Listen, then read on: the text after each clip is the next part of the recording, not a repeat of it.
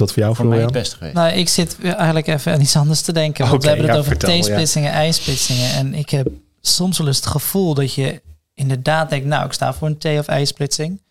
Maar het voelt meer als een rotonde. Klinkt flauw, maar wat ik daarmee bedoel is... bij een rotonde, je komt erheen... en ja, er is een weg naar links en naar rechts... maar je weet dat je alleen rechtsaf mag. Tenminste, in Nederland. Eh, en dat heb ik wel eens dat ik denk... oh, ik moet nu een keuze maken, maar ik voel eigenlijk maar, ik, ik kan maar één keuze maken. Dus het, is het dan nog wel een keuze? Je kan bij rotondes toch alle afslagen nemen? Nee, ik bedoel, als je naar de rotonde toe gaat, Ja. wil ik je niet linksaf zien gaan op de rotonde, want dan ga je tegen de richting van het verkeer in. Oh, op die manier. Oké. Ja, je hebt je rijbewijs toch? Je kunt ook, je kunt ook een rondje draaien en teruggaan. Ja, Ja, nou, en soms is dat dat je in een soort cirkeltje zit. Met je...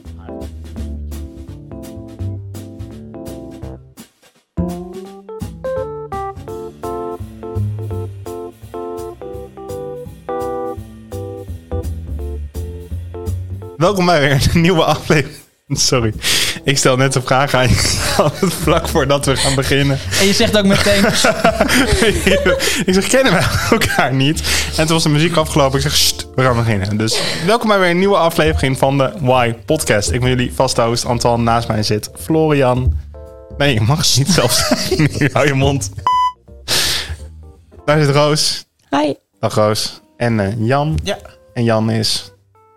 Mag het nog een keer vertellen? Voor ik ben de vader van eh Roos Lotte, Roos. En eh, ik ben uitgenodigd om eh, mee te praten en mee te denken. Door Roos. Dat door is wel Roos. leuk. Ja, genomineerd door Roos. En, eh, ja. Als het fout gaat, ben ik eh, aansprakelijk. Roos zei vorige week, weet je wat leuk is? Mijn vader bij de podcast. Jullie hebben geen idee, hè? Oké. Toen wist je nog niet waar ik kwam. Roos, waar gaan we het vandaag over hebben? Over T-splitsingen. T-splitsingen. Dat moet je even uitleggen. Ja, dat is, eh, dat is niet een ijsplitsing, zoals jullie hadden verwacht. ah, Ehm, kunnen we over discussiëren. Nou ja, de- maar komen we zo op terug. Ja. we wilden het namelijk niet een midlife crisis noemen, want dat is het niet echt. We wilden het breder trekken. Dus een T-splitsing. Je komt ergens en je zit gewoon vast. Je moet een weg kiezen, maar niet meer die je ging. Ehm, ja, daar wilden we het over hebben vandaag. interesting. En dan wil ik nu nog even de argumentatie van je vader over waarom het wel een white splitsing kan zijn. Eh, ik denk dat een, een T-splitsing, dan sta je eigenlijk stil. Maar het kan ook zijn dat je gedurende eh, je leven eh, in een soort ijsplitsing komt. En dat je wel eh, verder gaat. En dus niet dat het even stilstaat en dan eh, dat je een keuze maakt. Maar dat je dus eh, gewoon eigenlijk gelijk wel doorgaat. Alleen je hebt een keuze gemaakt ergens naartoe.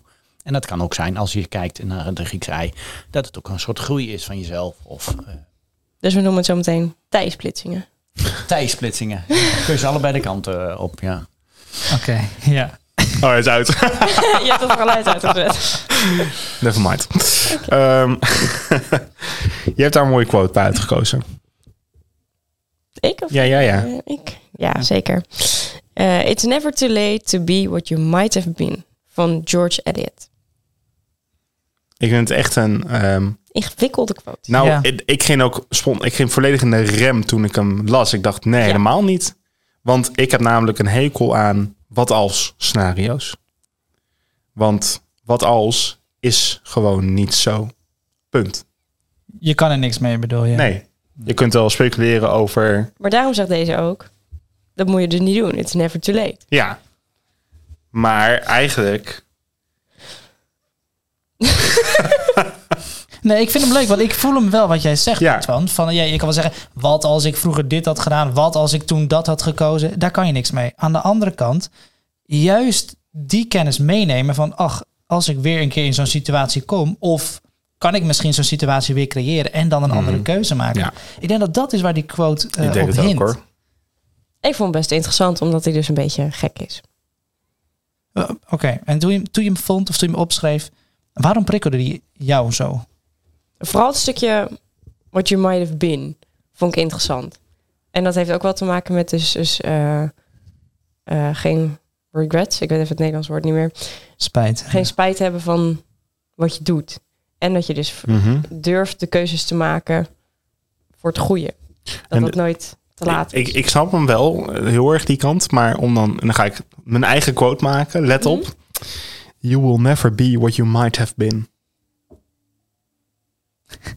Nou, daar kunnen we hem op afsluiten volgens mij. Dus dank je wel. Ja, was eh, gezellig. Aanwezig.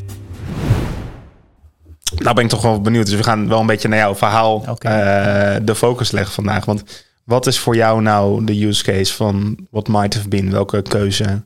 Nou, ik heb meerdere keuzes eh, in mijn leven gemaakt. Eh een van de keuzes is, het was denk ik dat ik 24 was, dat ik de keuze gemaakt heb om uit Enschede weg te gaan. Ehm, en naar Amsterdam te gaan werken. Eh, dus in Amsterdam te gaan werken en naar Amsterdam te gaan verhuizen. En ja, dat heeft wel eh, impact gehad. Ehm, als je een soort, soort groeicurve kunt eh, zien in die Griekse ei. Dat is een van de keuzes die ik gemaakt heb. om daar mijn oude, ouderlijk huis te verlaten en op mezelf te gaan wonen. En ja, in het wilde westen te gaan werken. En dat, zo werd het ook gebracht toen ik de sollicitatie bracht. Weet je wel waar je aan begint, want je komt uit eh, een dorp. Enschede is niet echt een dorp, maar zo werd er ook naar gekeken. Ja. En toen had je ook wel in die tijd dat het, eh, en eh, het achter Amsterdam was alles boeren. En zo werd het in ieder geval ook wel vaak gezien door sommige mensen. Maar voor mij was het gewoon, ze bakken overal brood. En ja, dat heb ik toen ook gezegd. Eh, Lekker, lekker nuchter. Twentse insteek. Ja, ja, ja, het heeft mij geen windeieren gelegd. Ik, eh, ik vond het eh, fantastisch om eh, die stap te maken. En, maar die stap werd wel gedwongen doordat eh een situatie was waar ik dacht van ja, nee, nu wil ik gewoon echt weg. Ehm, en ik wil gewoon op mezelf. Eh, ik kwam uit militaire dienst. Mhm. Ehm, nou, dan ben je al even in, eh, buiten het huis geweest en dan ga je weer terug eh, in je gezin. Nou, dat heeft toch, eh, eh, Roos ook meegemaakt toen ze uit Ghana kwam. Eh, en mijn andere dochter, toen ze vanuit Parijs weer terugkwam door de noodgedwongen door de corona, toen ze daar au pair was. Je gaat dan weer in het oude systeem en dat werkt niet altijd perfect. Dus toen was het ook gewoon, ik, ik pak mijn rugzakje en ik ga op pad. Het is een soort T-splitting, maar het, het ging geleidelijk gewoon dat ik die stap gezet heb. Maar bij deze keuze, als hem dan, ja, dat vind ik leuk, heel even visueel neerzetten. Ehm, als je wel thuis was gebleven, was het dan niet gewoon meer een rechtdoor? En heb je nu een, een afslag naar rechts of links genomen? Of voelde Voor mijn gevoel niet. Voor mijn gevoel was het echt wel een ijsplitsing? een, een ijsplitsing. Ja. Ehm, en dat is als ik achteraf erop terugkijk ook. Als ik nu nog in Enschede rondloop bij mijn ouders en eh, is het redelijk gelijk gebleven. Natuurlijk zijn ze daar ook wel eh, veranderd en eh, Enschede en de wereld is veranderd. Maar het, ik, ik zit er anders in dan eh, dat ik eh, er toen in zat. ja. Dus het is een, wel een, af, een afslag, maar het, voor mij is het wel een groei geweest. Eigenlijk Ja, ook wel ja. dat ik mezelf kon zijn. Ik zeg ook, vanaf dat moment heb ik pas de puberteit eh, meegemaakt. Zo, oké. Op mijn 24ste. Want Ja. wat ik wel interessant vond, jij vertelde dus over die, hè, van oké, het kan misschien ook een, een, wel een uh, ijsplitsing zijn, omdat je door blijft gaan, maar heeft dat dan ook iets te maken met of er druk staat op het feit dat je wel blijft bewegen, of dat je rust kunt nemen bij een T-splitsing, juist even kunt stoppen, voor jezelf rust kunt nemen en je opties kan afwegen? Eh, ja, dat, op dat moment was het niet dat ik eh, echt rust. Het, ik heb hem ook gewoon vrij snel genomen, die Ja. beslissing. Ehm, later heb ik me stappen gezet waar ik bij wel eerst goed over nagedacht heb. En eh, dat was dus dat ik vanuit eh, Nederlandse Bank Amsterdam overstapte naar het onderwijs. Daar heb ik met mijn vrouw wel even over nagedacht. En Mhm. eh, van nou, wat heeft dat voor impact eh, voor het gezin en voor, eh, voor haar dat ik de opleiding ging doen. Dus en dan denk je er wel over na. En dan is het wel meer een T-splitsing. Maar daarna is, buigt hij wel om naar de Ja. Want je gaat weer iets doen ehm, waar je nou, je prettig bij voelt. Je, je komt op een situatie waar je denkt van, is dit alles? Ja. Wil ik dit? Is, blijf ik dit gewoon voor de rest van mijn leven doen? Of wil ik meer mijn hart volgen en eh, Ja, een keuze maken waar ik mezelf prettig bij voel? Hm, ja. ik vind echt de, de beeldspraak, ik weet niet wie er oorspronkelijk mee kwam, maar de beeldspraak is echt goud. Want het, als jij in het verkeer bij een, eh, een kruispunt komt of bij inderdaad een T-splitsing, dan staat er ook vaak echt zo'n stopbord. En dat houdt in, voordat je doorrijdt, je auto echt stilzetten, Ja. kijk naar links en rechts en ga dan weer verder. En bij zo'n ijsplitsing is het, je komt aan, je hebt een minuut totdat je bij de splitsing bent, ga je links of rechts. Ja. ja, en dan maak je een keuze. En je kunt altijd nog terug. Maar net wat je zei, eh, ik denk Maar is dat weer zo? anders. Kun je altijd nog terug? Ja, ik denk dat je in sommige gevallen wel terug kunt op je, eh, terugkomen op je beslissing. Of van nou, ik, ik ga toch iets anders doen. Mijn derde splitsing, als je dan toch eh er Ja. even over wil hebben, is dat ik vanuit het regulier onderwijs nu de keuze gemaakt heb eh, naar het speciaal, gespecialiseerd onderwijs. En daar ben ik nu 4,5 week mee bezig. Ehm, en dan denk je wel, ga ik terug nog naar het regulier als Ja. mijn struggeling? Is het nog mogelijk? Zoiets. En was vaak gevraagd, eh, heb je spijt? Nou, nee, niet. Maar het, eh, wel af en toe vraagtekens. Ja. Ga ik toch weer terug naar de, de D-splitting? Ik ga de andere kant. En ik blijf wil zeggen, was dat een op of een T-splitsing, die overstap? Ik hoopte op een ei. Het was een... eh, nee, en, en ik heb er wel goed over nagedacht. Eh, het is wel een T-splitting geweest. Ehm, omdat je... Nou ja, ik mocht nog tien jaar. Ehm, van nou, wat ga ik doen? Ga ik dit doen? Dus wel even goed eh, nagedacht. En dan word je op de heuvel geholpen door mensen in om je ge- omgeving. Ja, jij past wel heel sterk in het gespecialiseerd onderwijs. En waarom zou je dat niet gaan doen? Ja. nog tien jaar.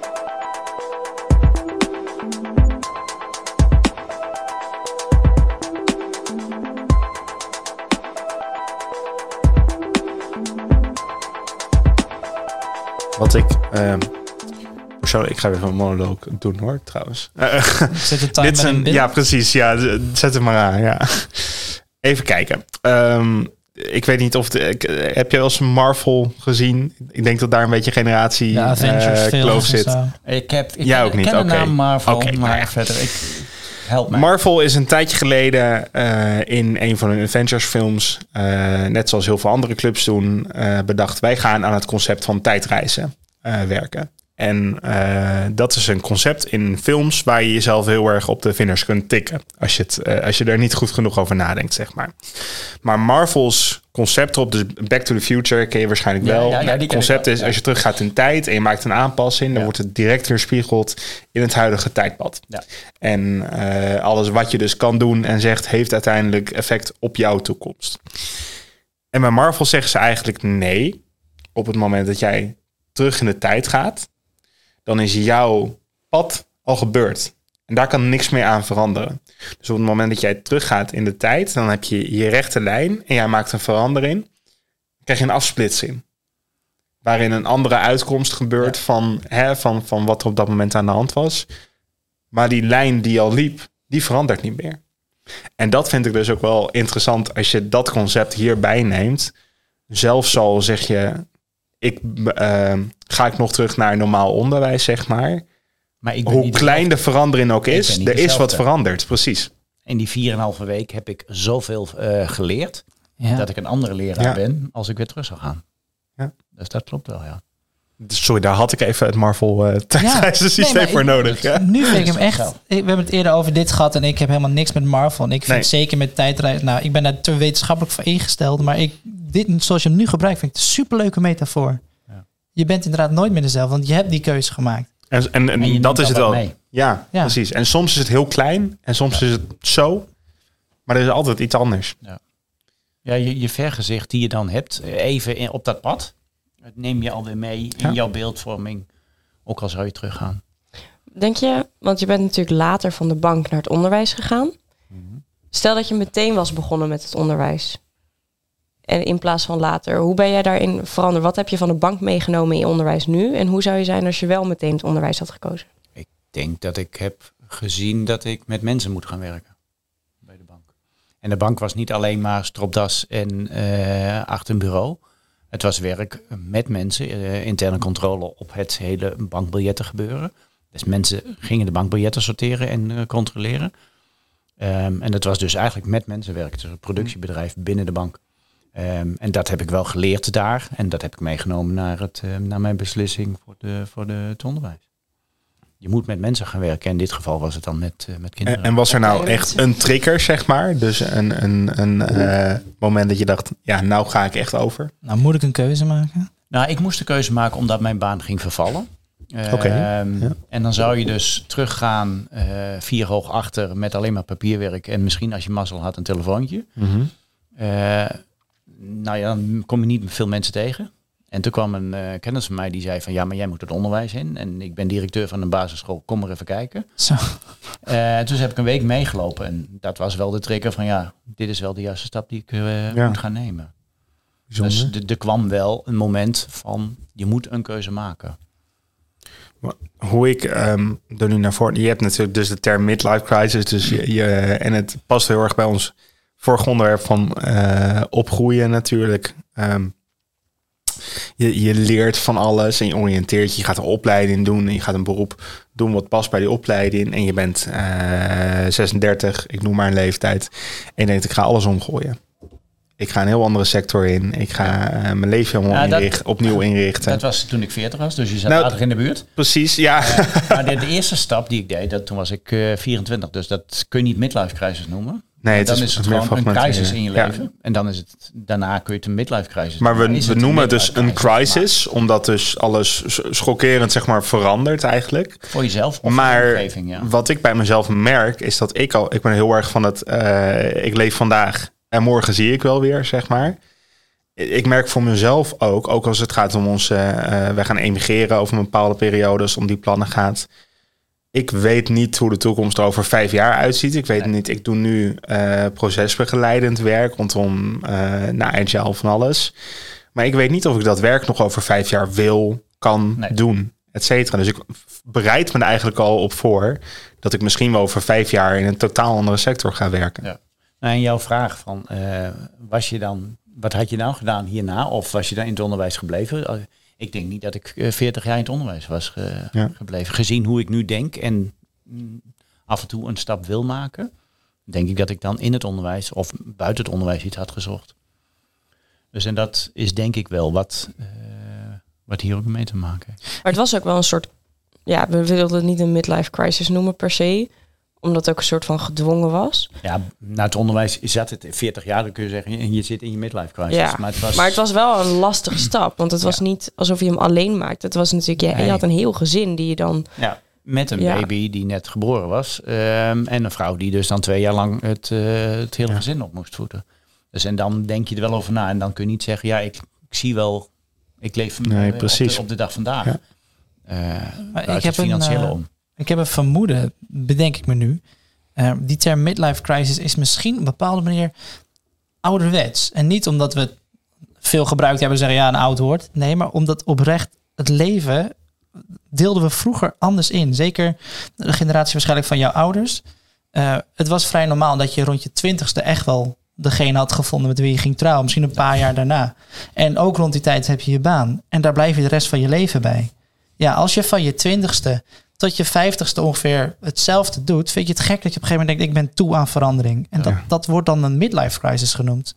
Maar we organiseren het nu anders. Mensen zijn later met het starten van een gezin, met het starten van een baan. Jobhoppen is nou bijna meer de, de, de norm De trend, geworden ja. dan de uitzondering Ja, inderdaad. precies. Ja. Ik denk dat we in die zin niet meer echt veel midlife crisis zo in, in die context zeg maar zullen eh, horen om ons heen of zelf meemaken.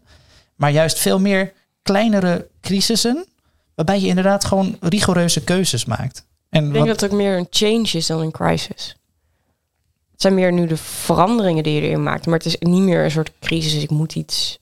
Nou, ik denk dat het Ja. een crisisstukje is. eh, wat, je heel, wat je zegt, net Jan, dat het. eh, ik heb een gezin te onderhouden. eh, Ja. Wat zijn mijn financiële zekerheden? Wat zijn de consequenties? Eh, ik denk dat dat het, het crisisstukje is. Ja, ik wil een bepaald pad en ik heb ergens een bepaald gevoel bij. Maar het is niet simpelweg, ik wil dit. Nee, er zijn nog 30 Gevolgen. vertakkingen, eh, Ja. gevolgen uit te denken. En die dat kunnen ontstaan. wordt Ja, Als je het niet kunt doen. Precies. Als je die stap Ja. niet Dus het is ook of dat het onzekerheid, denk niet ik kan, vooral. Of dat het eh, met je gezin niet kan. Of Precies. Ja. dat je zeg maar waar je woont niet kan. Dat dat misschien dan een crisis Ja. zal worden. Maar dan zijn die changes denk ik wel een beter, eh, beter woord voor. Ja.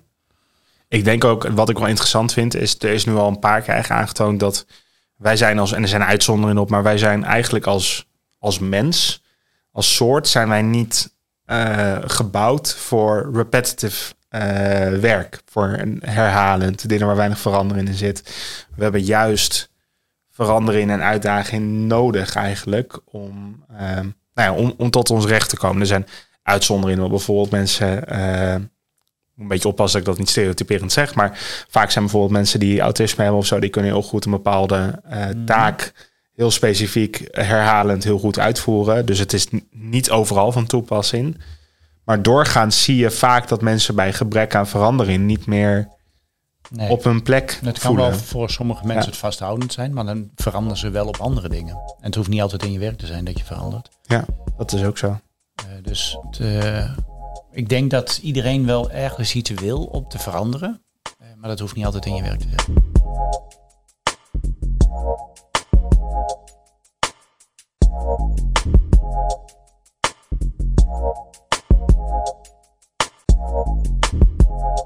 Maar die drang, want ik herken het wel, maar die drang vind ik wel vervelend. Dat ik eigenlijk altijd bezig ben met, maar wat wil ik eigenlijk anders in mijn leven? Ja.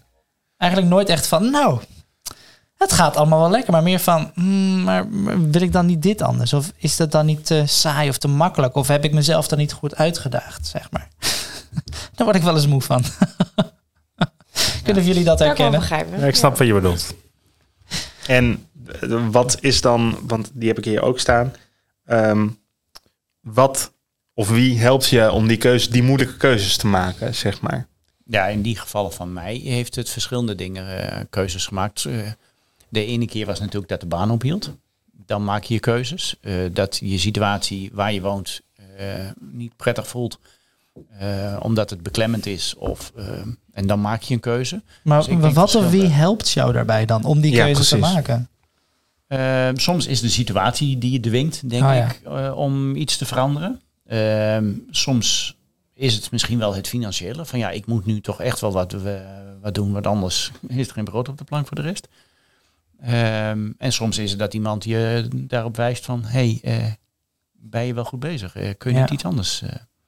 En, de, en dat is dan nog, sorry dat ik op door blijf vragen hoor, maar dat zijn dan nog de factoren die bij bijvoorbeeld zo'n ijsplitsing bijdragen aan welke keuze je maakt. Maar stel je voor dat je bij zo'n T-splitsing komt en je hebt een stopbord en de ruimte om alles te bedenken en dus niet minder die druk achter je. Ja. Wat helpt je dan? En dan ook op een positief, hè? dus wat is voor jou behulp of wie is voor jou Bij behulpzaam om keuzes te Bij maken? mij is het altijd mijn eigen gevoel geweest. Ja. Van, eh, ik wil iets, ik moet iets. Een soort drang om iets Mhm. anders te doen. eh, om jezelf te beschermen. Ehm, dat is denk ik i- bij mij altijd de eerste eh, trigger geweest om iets te willen veranderen. En dan zie je dat de omgeving soms daar meehelpt Ja. denken of meehelpt beslissen. Want, en daar heb ik dan nog een vervolgvraag op. En dan daarna heb ik er ook nog wel een mening over. Hart, nee, maar ehm, je hart of je hoofd volgen. Ik, ik wijs naar mijn hoofd ook, maar, maar je hart of je hoofd volgen. Ehm, ik vind altijd dat je hart moet volgen. En in sommige eh, gevallen kan dat niet altijd en moet je je hoofd volgen. Maar ik denk dat je als je hart volgt, dat je het langer volhoudt dan dat je het, eh, je hoofd Ja. volgt. Oké, mooi. Mijn mening erover is dat je je hart niet kunt volgen. Dat, dat je hoofd altijd... eh, dat, we, dat het grappig is dat we het voor gebruiken om je, je hart eh, te volgen. Gevoel. op ja. emotionele eh, besluiten eigenlijk. Ja, maar je kunt je hoofd kan wel daarin eh, tegenwerken. Ja, maar als. Maar dat kan niet, want Ja. dan werk je het hoofd tegen en dan werk je dus. Ja, maar dat, het interessante daaraan is dus dat we, we hebben een sym- symboliek gemaakt van als je je hart volgt, dan ga je een bepaald gevoel, op je onderbuikgevoel, Mhm. zeg maar, en op misschien meer emotioneel besluiten. Daar hebben we het volgens mij ook al eerder We over gehad. een hele Ja. aflevering over Ja. eh, ratio of En, eh, precies. En als je je hoofd volgt, is het meer op rationeel en logischer. En dus ook inderdaad financieel opzicht. Heb ik hier nog wel stabiliteit. Dus dat is je hoofd volgen. Ik denk dat veel keuzes uit je hart komen en dat je dan met je hoofd gaat denken, maar hoe, hoe en, en Ja, maar de pest is dus dat het veel complexer is dan dat.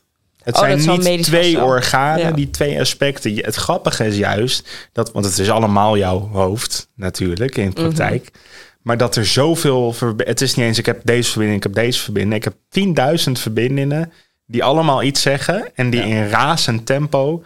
Dat is überhaupt het interessante van keuzes maken. Als je aan iemand vraagt hoeveel keuzes maak je op een dag, moet oppassen dat ik niet naar het onderwerp keuzes ga. Maar- Maar hoeveel keuzes maak je op de dag? Ja, misschien eh, dan kies ik voor dat. En dan maak ik dat. Dan zeg ik van, eh, wat doe je 's ochtends aan? Nou, maak je al een keuze. Zeg, eh, je voelt je niet lekker, kom je bed. Dus het- er zijn allemaal micro besluiten Ja. die jij gedurende de dag neemt. En dat is natuurlijk ook bij zo'n crisis zo. Ja, het lijkt misschien alsof je dit aspect hebt en dat aspect. Maar het is, Nee, heel veel het is zo. Nou, complex. soms wel, want soms denkt je hoofd heel bewust, nee, ik, ik ga dit niet doen of zo. Of, of dit is een goede niet.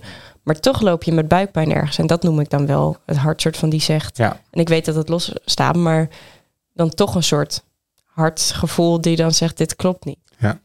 Het is natuurlijk ook een onderbuikgevoel. En niemand, en ja, iedereen eh, kent dat. Ik vind het mooi, je hart klopt niet. Ja, dat, eh, dat vind ik een mooie woordspeling. Dus er is wel iets wat, wat soort van onbewust dan toch je alarmeert. Ja, mooi. Maar je bent dus wel meer op, op je gevoel, eh, geef je voorrang op je, je rationele eh, eigenlijk. Dat denk ik wel. Ja. Dat dat het eh, Mooi. Is dat voor jou, voor mij het beste geweest. Nou, ik zit eigenlijk even aan iets anders te denken. Want we hebben het ja, over vertel, T-splitsingen, ijsplitsingen. En ik heb soms wel eens het gevoel dat je inderdaad denkt... nou, ik sta voor een T- of ijsplitsing. Maar het voelt meer als een rotonde. Klinkt flauw, maar wat ik daarmee bedoel is... bij een rotonde, je komt erheen... en ja, er is een weg naar links en naar rechts... maar je weet dat je alleen rechtsaf mag. Tenminste, in Nederland. Eh, en dat heb ik wel eens dat ik denk... oh, je, ik moet nu een keuze maken, maar ik voel eigenlijk, maar ik, ik kan maar één keuze maken. Dus het, is het dan nog wel een keuze? Je kan bij rotondes toch alle afslagen nemen? Nee, ik bedoel, als je naar de rotonde toe gaat. Wil ik je niet linksaf zien gaan op de rotonde, want dan ga je tegen de richting van het verkeer in. Oh, op die manier. Oké. Ja, je hebt je rijbewijs toch? Je kunt ook, je kunt ook een rondje draaien en teruggaan. Ja, Ja, nou, en tuurlijk. soms is dat dat je in een soort cirkeltje zit met je hart of met je eh, hoofd.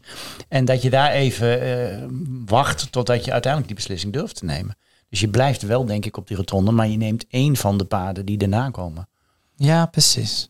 Ja. En als je drie rondjes gereden hebt, dan begin je denk ik ook wel ongemakkelijk te voelen. Dan eh, Dan kan je. ben ik geen hinder hier op de baan. Dus eh, nee, maar dan kan iemand wel zeggen: neem nou een keer die beslissing. precies. En dan ga nou ergens voor. echt jongens, het verkeer is gewoon één op één eh, passend met de keuzes in het leven maken.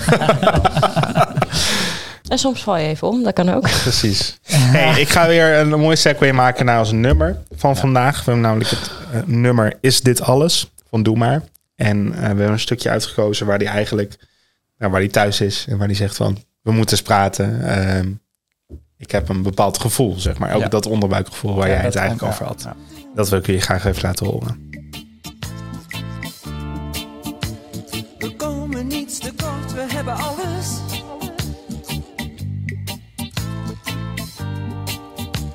Een kind, een huis, een auto en elkaar.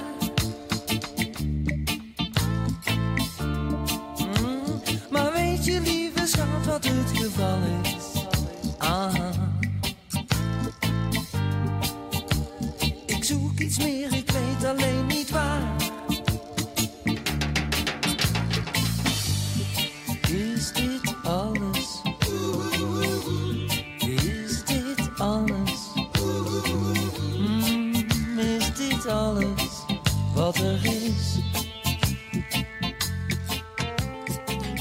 zeg je dat tegen jezelf. Schat, is dit alles wat. eh, Ja. Weet je wat aan de hand is? En dat zeg je soms tegen jezelf en soms kun je dat tegen je omgeving zeggen. Ja.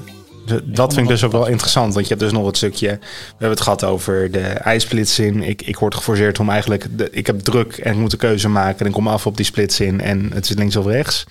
En ik kan de tijd nemen om eens te overwegen waar ik in het leven sta en wat ik graag wil.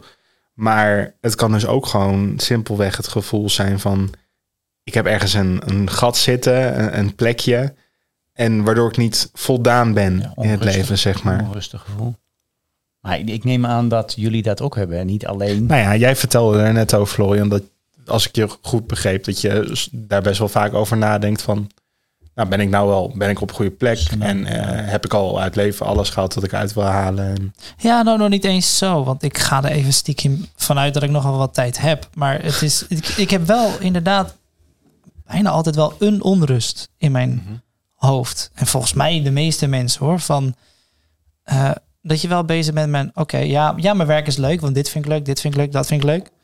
Maar is het, is het het werk wat ik wil blijven doen? Of is het misschien iets anders? En ja, mijn relatie is leuk, want ik kan er met te lachen. Eh, we kunnen heel goed samen eh, niks doen of juist wel iets doen.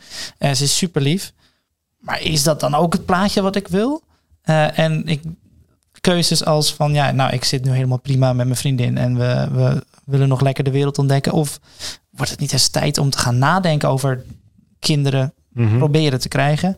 Al dat soort dingen. Eh, eigenlijk altijd wel een onrust van, zit ik nu gewoon helemaal goed? Of zou ik meer hiermee bezig moeten zijn? Of zou ik keuzes moeten maken? Die onrust.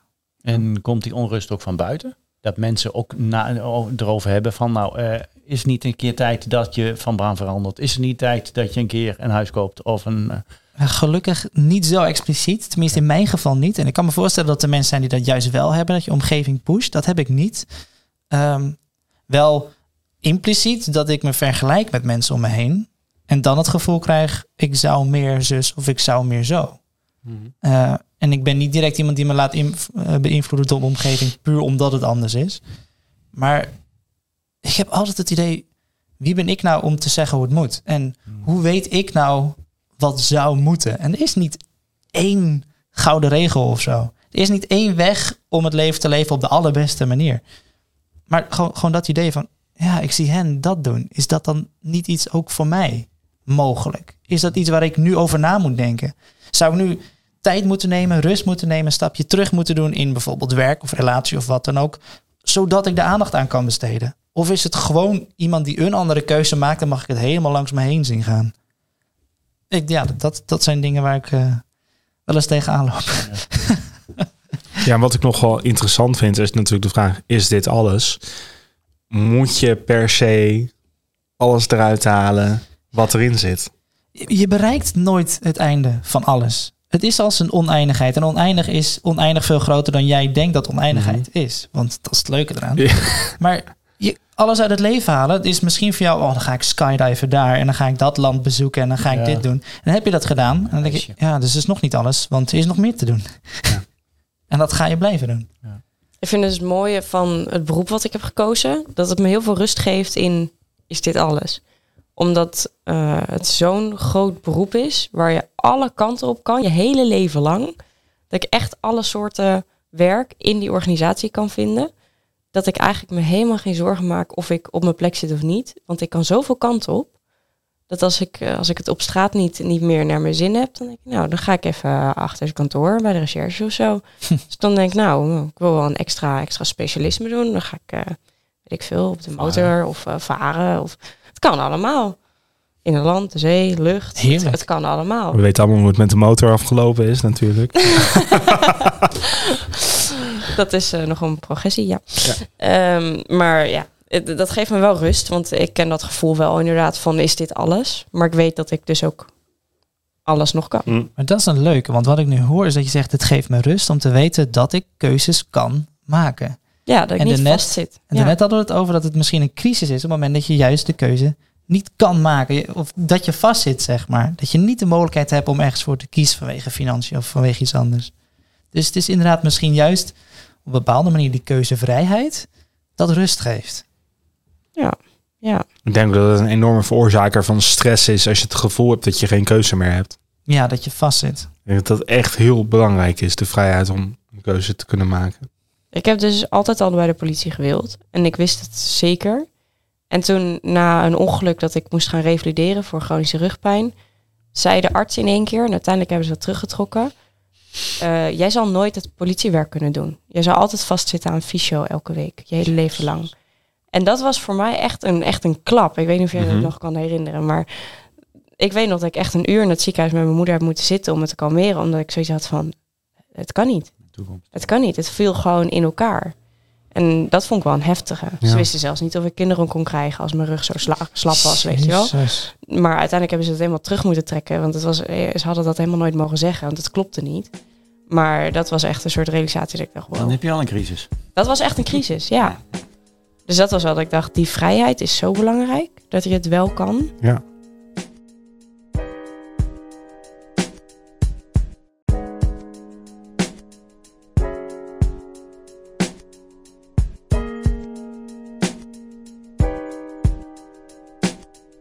Realiseren dat eh, als je kijkt de keuze die voor het voor- voortgezet onderwijs, dan zie je, word je ook voor een keuze gemaakt en of er gezet.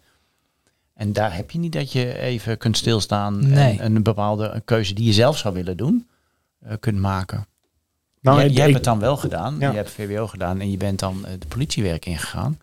Eh, maar aan de andere kant op is het natuurlijk lastig. Als jij eh, je, je beroep wil maken, ehm, eh, piloot, Ja. en je hebt een, eh, een bril, eh, dan kun je die keuze dus ook niet maken. Ja. Nee. En dan Maar ik is het vind ook het- een crisis, denk ik. Het punt om er dus in het onderwijs die keuze op te maken vind ik heel erg belangrijk. Want we, vragen kinderen veel te vroeg tegenwoordig om hun leven vast te zetten.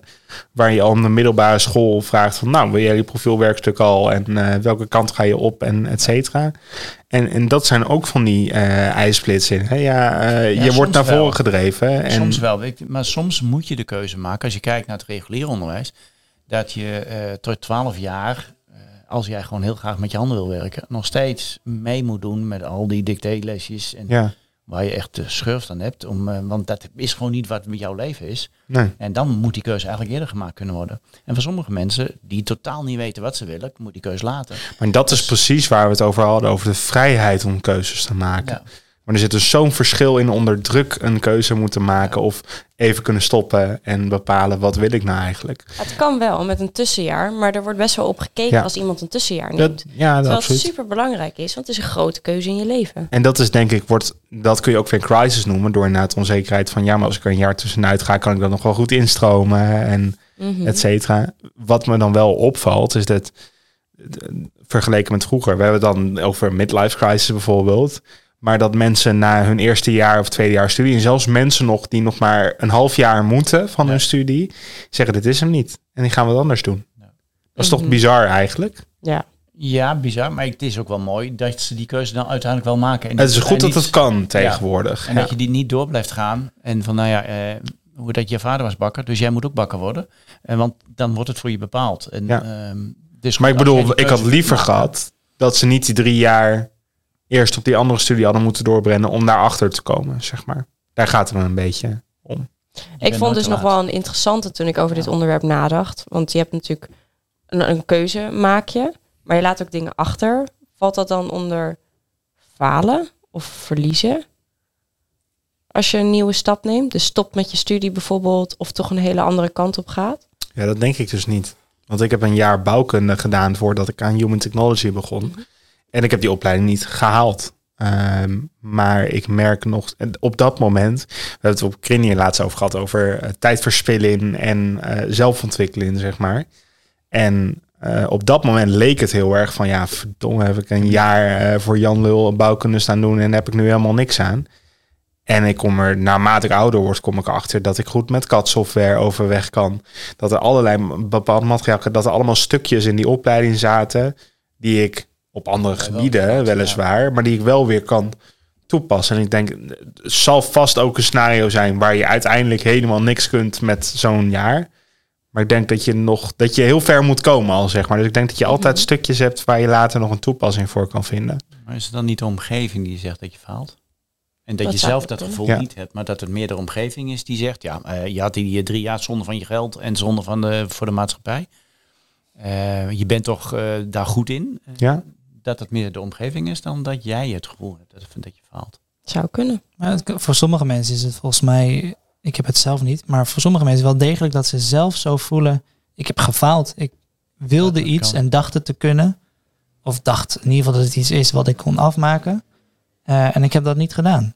Dan hoop ik dat ze later dan erachter komen. Het is geen falen geweest, maar het is wel de juiste T-splitsing. Ja, precies.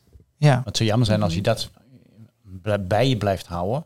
Ik heb daarin gefaald. Ja. Want dat is dan iets dat je meeneemt. Het gevoel van te hebben gefaald. Ja. Mm -hmm. Dat weegt veel zwaarder dan dat alles wat je ja. hebt achtergelaten, ja. zeg maar. Ja.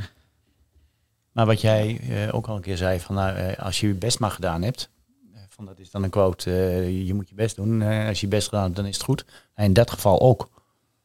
Als ja. jij die opleiding volgt en je ja. hebt je best gedaan, maar het lukt je niet. En, en daar sluit, en daar hebben Florian en ik het al op meerdere momenten over gehad. Maar um, of jouw inzet die ergens voor heen komt, of wat je, de inzet die je ergens voor geeft, of dat overeenkomt met wat andere mensen van jou verwachten. En soms verwachten mensen dat je een bepaalde uh, percentage inzet geeft. Maar en, en dat jij zeg maar je best gedaan hebt. En dan kun je denken van oké, okay, ik heb gefaald. Ik, ik heb het niet gehaald. Of uh, ik ben ontslagen of whatever. Maar dat je denkt van ja, maar wat is, hoeveel inzet wil ik ervoor geven? En is dat goed als ik dat percentage wil ja. geven? Daar hebben we het wel al een paar keer over gehad, ja. Ja. hoe, hoe, hoe ver zet ik me ergens voor in, zeg maar. Dat je voor jezelf mag bepalen wat, Ja. hoeveel ik nu doe, Ja, is, is genoeg. Ja. En als, ik, als er meer nodig is, dan is het gewoon niet iets voor mij. En dat je zelf die keuze mag maken. Dat vind ik wel een mooie noot om hem eh, op af te sluiten vanavond. Zeker. En nou, we hebben nog een mooie kijkersvraag. Wat voor toekomstplannen hebben jullie? En dan met name dus welke T-splitsingen verwacht jij of ga jij binnenkort moeten nemen? Of ijsplitsingen of rotondes? Of rotondes. of eh, Waar sta je voor? Ja, ja. kruispunten. Ja. Kruispunten in het leven. Nou, is wel mooi. Ik zeg het je, het is echt één op één. Hieruit terugdraaien, wat ze altijd eh, in de auto zeggen. Ja, ja, Ja, precies. precies. Ja, keer hier op midden op de weg, weet je wel. Dat je denkt, ja, maar ik kan hier helemaal niet. Nou, zie je, zelfs die. Tot zover de file-informatie. Ja, dank u wel. Eh, we gaan nu naar het weer. Eh, dank jullie wel allemaal voor jullie aanwezigheid. Ik vond het een fantastisch gesprek. Ja. En eh, Ook, dankjewel. hopelijk tot een volgende keer.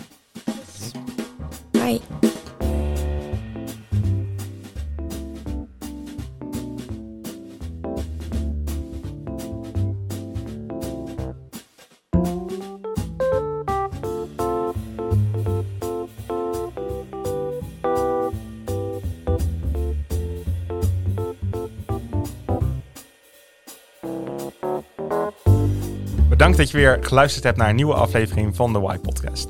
Wist dat je ons ook op onze socials kunt vinden, namelijk op Instagram en op TikTok. Op TikTok kun je allerlei leuke filmpjes vinden achter de schermen van onze gesprekken en wat er omheen gebeurt. Je kunt ons vinden op Y Podcast, kleine letters aan elkaar. Je kunt ons ook mailen als je persoonlijk met ons in contact wil komen. Dat kan via contact@ypodcast.nl. Leuk dat je er was en hopelijk tot de volgende keer.